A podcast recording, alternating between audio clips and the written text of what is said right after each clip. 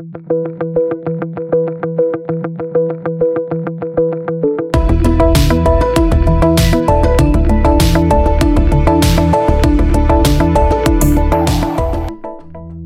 viktigste med 5G er ikke nødvendigvis hastigheten, men det er alle disse ekstra egenskapene. Så fjernstyrt kirurgi er jo et eksempel på de mulighetene som 5G gir. I tillegg til f.eks. selvkjørende kjøretøy og anvendelser i industrien. Vi opplever at det er folk som har helseplager som ikke går til legen fordi de er eh, så sikre på at det er strålingen. Og det mener jeg jo er ganske uansvarlig. Så fordi man må gå til eh, legen for å eventuelt å få uh, utelukke da, mer alvorlige tilstander. Hei og velkommen til Sikre kilder, en podkast fra Direktoratet for strålevern og atomsikkerhet. Vi skal i dag snakke om 5G, om hva 5G er, og om det er farlig, og hva de ansvarlige myndighetene gjør på området. Vi har med oss fire eksperter på 5G i dag. Fra DSA er det Lars Klæbo og Tone Mette Sjømoen, som begge har jobba med elektromagnetiske felt og helse i mange år. Og fra Nasjonal kommunikasjonsmyndighet, forkorta Nkom, har vi Helene Unander og Atle Kovard Markussen. De har begge lang fartstid i Nkom og jobber også med elektromagnetiske felt, som gjerne kalles EMF. Velkommen.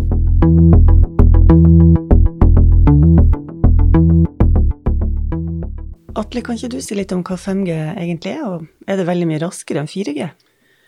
5G er femte generasjons mobilnett. Nye mobilnettet som kommer naturlig etter det vi kaller 4G. Men det er altså en ny generasjon mobilnett som er Det er noe mer enn et mobilnett. Det er en, en slags revolusjon innen kommunikasjon. Det skal ikke bare være et mobilnett lenger, det skal være en måte for alle mulige ting å kunne kommunisere eh, mer enn det eh, tidligere mobilnett har vært. F.eks. at eh, ikke bare man får bedre hastighet og bedre kapasitet, men man får også mulighet for eh, eh, andre egenskaper som gjør at industrien f.eks. kan ta dette mer i bruk enn enn før. Um, og om uh, hvor mye raskere det er. Man kan etter hvert oppleve ganske høye hastigheter. Uh, teoretisk opp mot to gigabit per sekund, kanskje. Men um, allerede i dag så får man jo god hastighet på 4G også. Så det er jo ikke det viktigste med 5G er ikke nødvendigvis hastigheten, men det er alle disse ekstra egenskapene. Verdens helseorganisasjon trekker frem at 5G vil gi økt ytelse når det gjelder eh, telemedisin. Altså muligheten til å kunne utføre operasjoner, fjernstyrte operasjoner og fjernstyrt overvåking. Eh, er dette noe som har vært viktig for innføring av 5G i Norge? Helene, kan du svare på det? Poenget her er jo vel at 5G tilbyr en stabil og rask kommunikasjon, sånn at det muliggjør fjernstyring av kirurgiske inngrep. For skal den ha en fjernstyrt operasjon, så krever det lav forsinkelse og stabil overføring. Da har en ikke råd til uh, forsinkelser og hikke. Uh, så fjernstyrt kirurgi er et eksempel på mulighetene 5G gir, i tillegg til f.eks. selvkjørende kjøretøy og anvendelser i industrien. Hva er det Nkom har ansvaret for når det gjelder 5G? Alt av trådløse enheter som vi omgir oss om i hverdagen, det bruker frekvenser sånn som fjern... Eh, garasjeportåpnere, mobiltelefonen, radioen eh, alle, alle, sånne trådløse ting som vi har, bruker frekvenser. Og de frekvensene er en naturressurs, og de forvalter Nkom.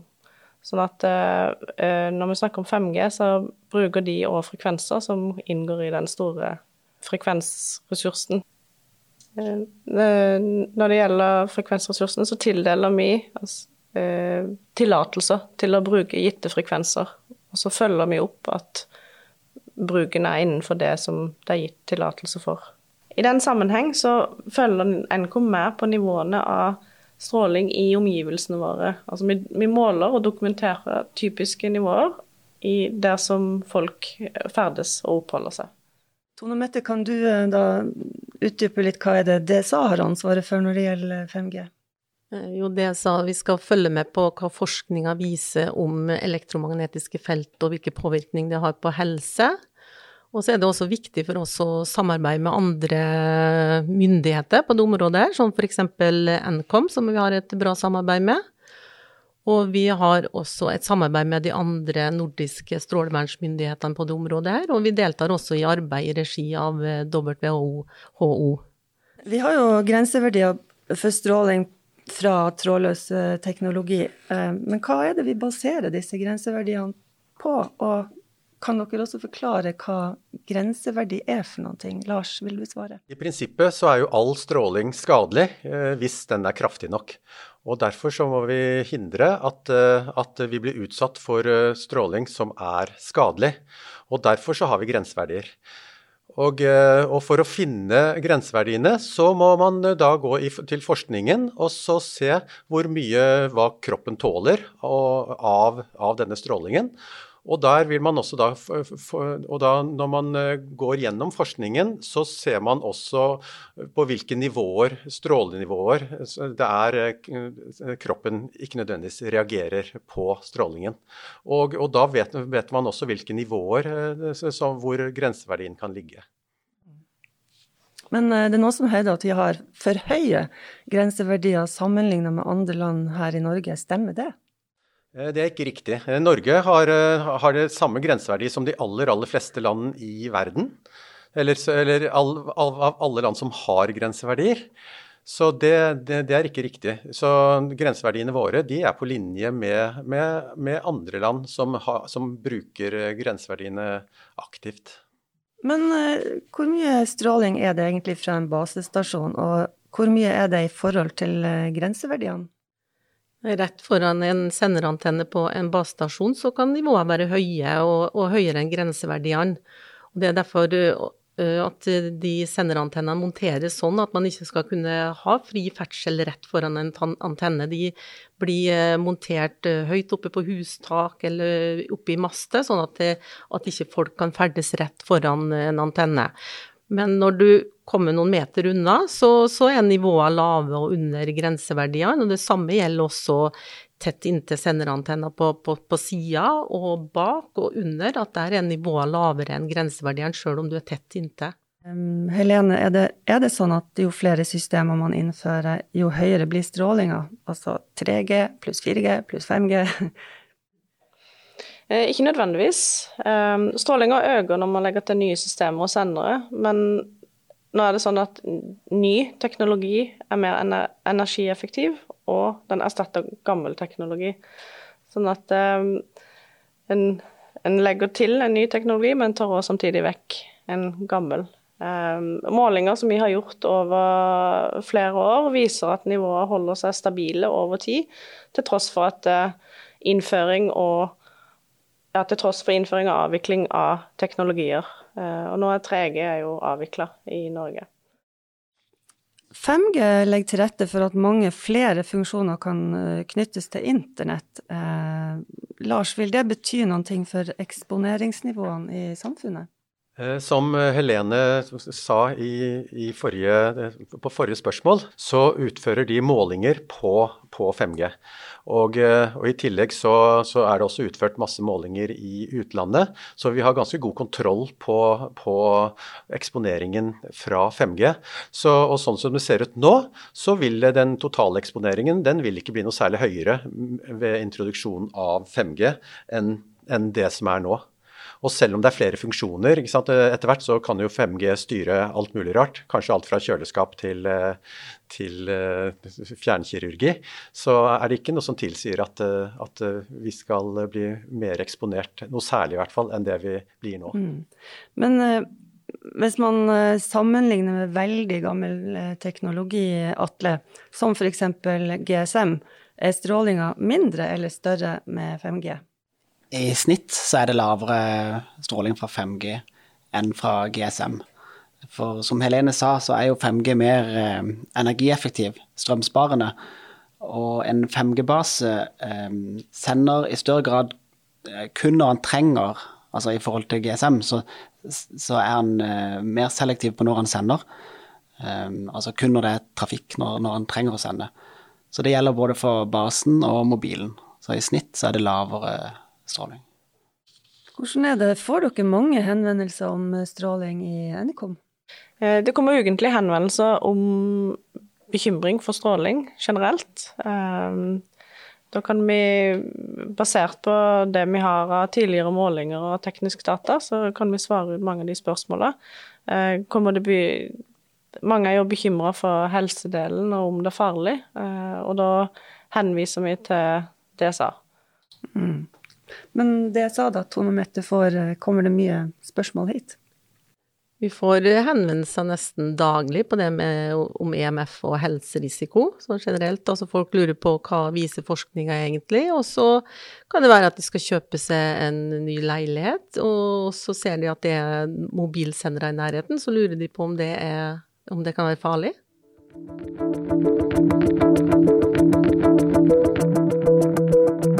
Finnes en del folk som er bekymra for stråling fra 5G, og noen hevder at 5G forårsaker korona. Men er det egentlig sånn? Dette og litt andre ting skal vi snakke om nå. Stemmer det at flere byer i Europa og USA stoppa innføring av 5G, og i så fall, eh, hvorfor gjorde de det? Mener de at det er helseskadelig? Eh, vi ser eh, hver gang det kommer en ny G, enten det var 3G eller 4G eller 5G, så, det, så blir det alltid noe bekymring. Og, eh, og, så er det da en del sånn folkelig bekymring, og så er det en del politikere som, eh, som tar opp denne bekymringen. Og da, da, ser vi det, at det er i enkelte byer at man f.eks. Eh, hvor man da f.eks. For forbyr Man vedtar at man ikke skal ha 5G. Det som er litt interessant, er jo at det som sagt, at det har jo skjedd også da, da, 4G ble introdusert. Men det viser seg jo det, da, at man, at eh, man er så avhengig av uh, trådløs kommunikasjon.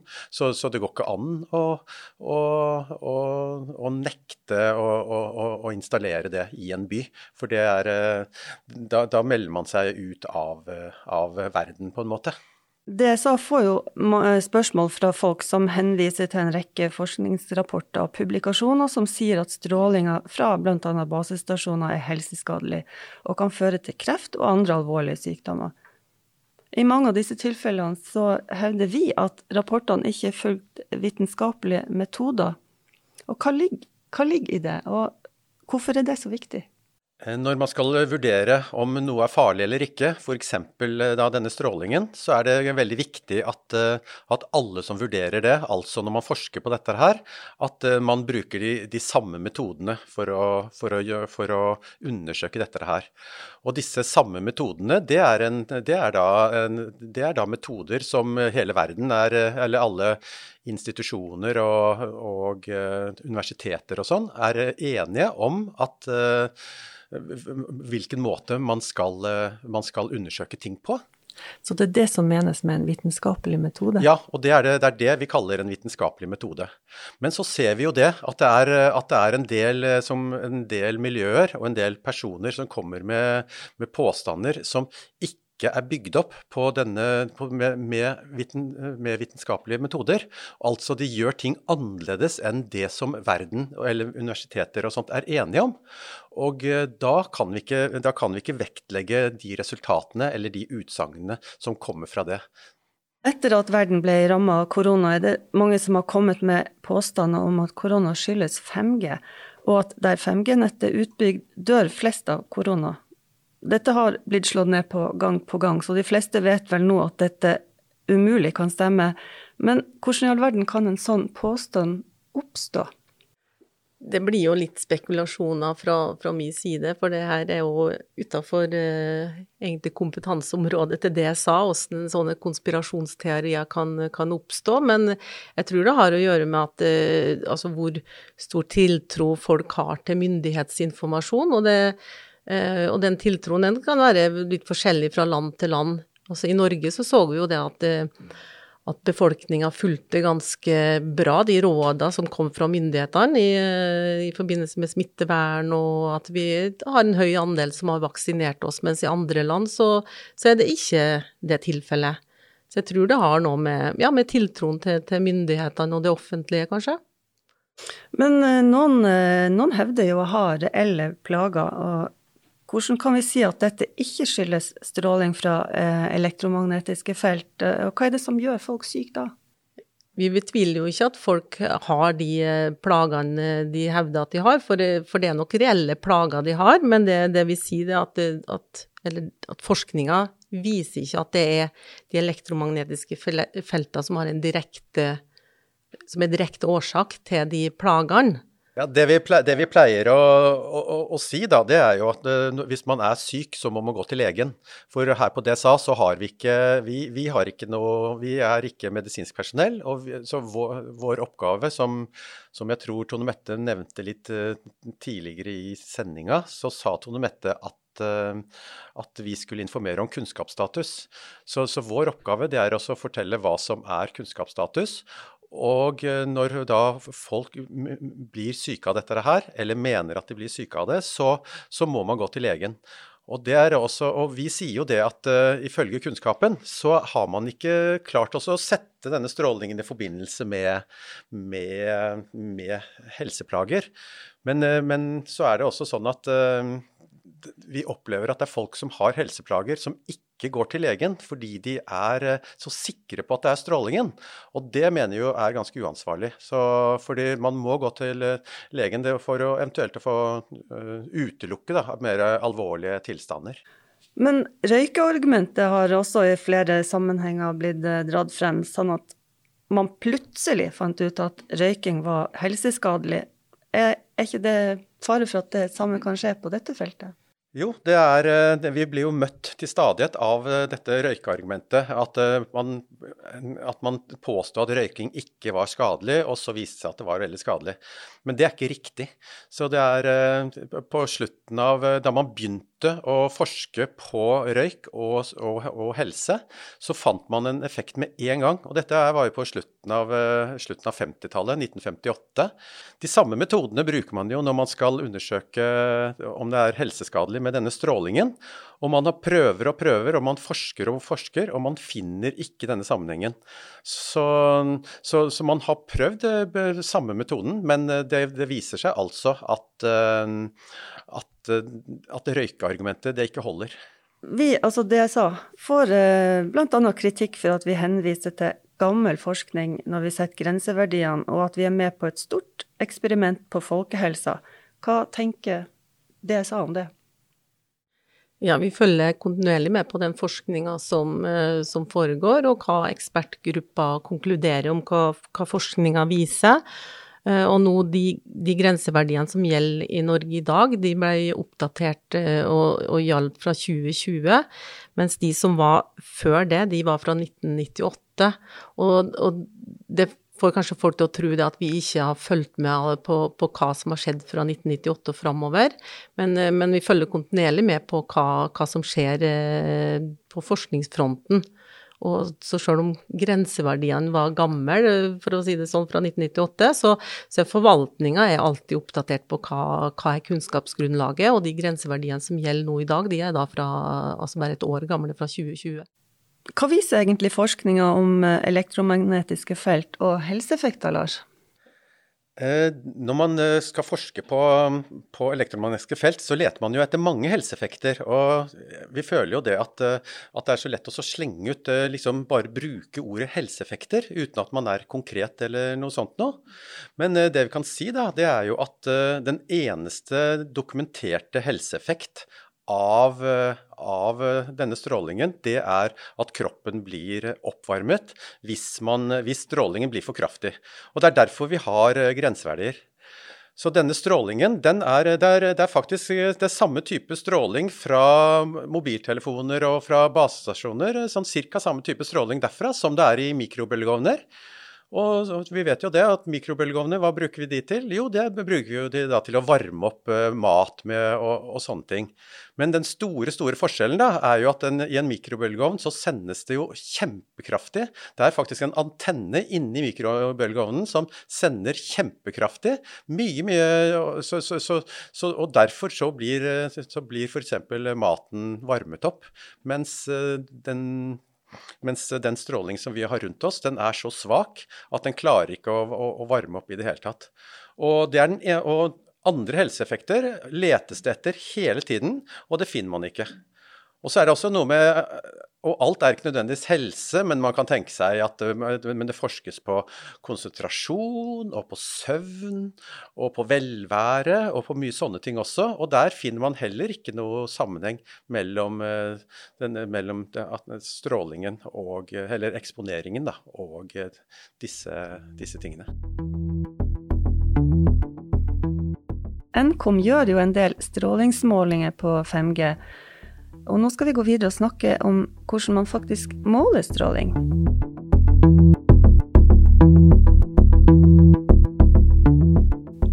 Helene, kan du si litt om eh, hva det er som gir det største bidraget til strålinga i våre omgivelser, og hva som bidrar minst, og hvordan vet dere dette? I omgivelsene våre så er det nok eh, basestasjonene for mobiltelefoni som bidrar mest til stråling, særlig hvis den er rett i nærheten eller rett foran de. Eh, de senderne som er aller kraftigst, er kringkastingssenderne, men de står langt fra folk og høyt oppe, så de er sånn sett ikke relevante i denne sammenhengen. Eh, basestasjoner finnes det mange flere og tettere, så det er nok de som bidrar mest der vi ferdes. Eh, den største bidragsyteren er nok din egen mobiltelefon. Mobiltelefonen justerer effekten etter hvor god dekning de har. Så det vil si, er man langt ifra en basestasjon eller i et område med dårlig dekning, så skrur den opp effekten for å få kontakt med basestasjonen. Så jo bedre dekning, jo mindre stråling. Eh, den trådløse ruteren som du har hjemme, er nok den som bidrar minst, eller veldig lite, til strålingsnivåene. Og de senderne har ikke lov til å sende med noe særlig styrke, og de skal kun dekke et lite område, altså innenfor husets fire vegger det senderutstyret reguleres og har ikke lov til å sende med hvilken som helst effekt. Altså det skal sende med lav effekt. Eh, og det reguleres også hvor mye tid de har lov til å sende. Hvor vanskelig er det egentlig å måle stråling fra basestasjoner og annen trådløs teknologi? Og Atle, brukte du lang tid på å lære deg å utføre sånne målinger? Ja, du, skal, du skal vite hva du holder på med, for det er veldig mye som kan påvirke målresultatet. Eh, man skal ha god kunnskap om hva man skal måle på, og hva som kan forstyrre en måling. Og man er avhengig av kalibrerte instrumenter og antenner av god kvalitet for å få et resultat man kan stole på. Man kan vel si jeg brukte ja, første tida jeg var ansatt på å lære meg å gjøre det, de, lære, lære, meg de grunnleggende kunnskapene skikkelig. Men det er en, eh, det er en kontinuerlig prosess. Tek, teknologien utvikler seg kontinuerlig, man får nye måleinstrumenter og man må holde ved like. Man kan jo få kjøpt måleutstyr på nettet til å måle stråling fra trådløs teknologi for en ganske billig penge, men er det noen ting man bør kjøpe seg hvis man lurer på hvor høy stråling det er hjemme hos eh, seg sjøl? Ja, før man kjøper et sånt instrument, så bør man ha noen grunnleggende kunnskaper om hva det er man måler på. Som jeg sa i stad, så er det mye som kan påvirke et målresultat. Så du må ha kontroll på det, om man skal kunne stole på resultatet. Eh, selv om noen av disse billige måleinstrumentene kan gi noen resultater som kan være omtrent riktig, riktig så kan jeg ikke si at man eh, kan nødvendigvis stole på resultatet. Eh, vår erfaring er at det skal lite til før de viser veldig feil. Og det ofte, virker som de ofte er designa mer for å skremme, kan man si, enn å vise et resultat som kan brukes til noe. F.eks. de har blinkende lys og, og lyd istedenfor uh, å vise et uh, resultat uh, i en tallverdi. Hvordan kan dere vite om hvor høy stråling det er hjemme hos meg, f.eks., hvis dere ikke har vært der og målt? Så opp igjennom åra så har vi gjort eh, mange målinger. Eh, i, vi har hatt prosjekter hvor vi har målt i skolegård, i klasserom, i leiligheter, i hus, eh, på gateplan. Så vi har veldig god oversikt over hva nivåene er. Eh, folk kan henvende seg til oss for, med spørsmål om måling. Eh, og i hvert tilfelle så gjør vi en grundig vurdering om, eh, om vi skal gjøre en måling. Er den tilsvarende en som vi har gjort tidligere, så har vi gode data. og om vi gjør en måling, så gjør vi et grundig forarbeid før vi eventuelt reiser ut, sånn at vi vet hva som finnes av tjenester rundt, og hva vi skal måle på. Men på generelt grunnlag så kan vi si at det, det vi har målt så langt, er bare noen få promiller av grenseverdien som vi forholder oss til. Men uh, Nkom har jo en tjeneste som heter Finn senderen. Kan du fortelle litt mer om den? Ja, Finn senderen er en nettjeneste vi har som uh, hvem, altså brukeren kan gå inn og skrive sin adresse, og så få opp en oversikt over hva som finnes av mobilstasjoner i nærheten. Du må zoome inn til 100 meter for at de skal bli synlige. Men da kan du òg få hvilke tjenester som det er 2G, 4G eller 5G på de basestasjonene som er i nærheten av det. Noen ganger kan man jo oppleve at, at eh, elektronisk utstyr uh, blir forstyrra av signaler fra annet utstyr. Og når dette skjer, kan det ikke også da være farlig for mennesker? Alt elektronisk utstyr som kommer på markedet i Norge, det skal være designa for å tåle et visst nivå av stråling eller påvirkning fra andre produkter. Men dette nivået har ikke noe med grenseverdiene for helse å gjøre. Um, vi ser at det er forskjellig kvalitet på ting som kommer på markedet, og noe lar seg forstyrre lettere enn annet. Et eksempel jeg kan ta er jo hvis folk husker disse tivoli PAL-radioene som alle hadde tidligere, FM-radioer. Hvis du var i nærheten av den med mobiltelefonen, så hørte du det veldig godt. Det støya i, på radioen. Uten at det gikk utover radioen, det ble bare en ulyd i radioen. Mens andre billigere FM-radioer, de, de lot seg ikke påvirke av en mobiltelefon som lå på sida. Så, så, det har med design å gjøre, og trenger ikke å si noe om eh, nivået på strålinga eller påvirkninga. Så mye elektronisk utstyr er veldig følsomt, og det lar seg lett påvirke. Mm. Men du, du, sier at det betyr ikke at det er høyere stråling av den grunn? Nei, det, det er jo ofte Kommer veldig ofte an på utstyr som blir påvirka, hvor lett det lar seg påvirke. Så det, det trenger ikke å ha noe å si eh, hva nivået er i det hele tatt. Vi har i denne podkastepisoden snakka om 5G, helseeffekter og målinger.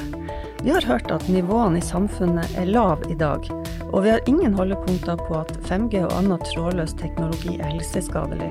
Myndighetene følger nøye med på forskninga og utfører målinger etter hvert som ny teknologi innføres.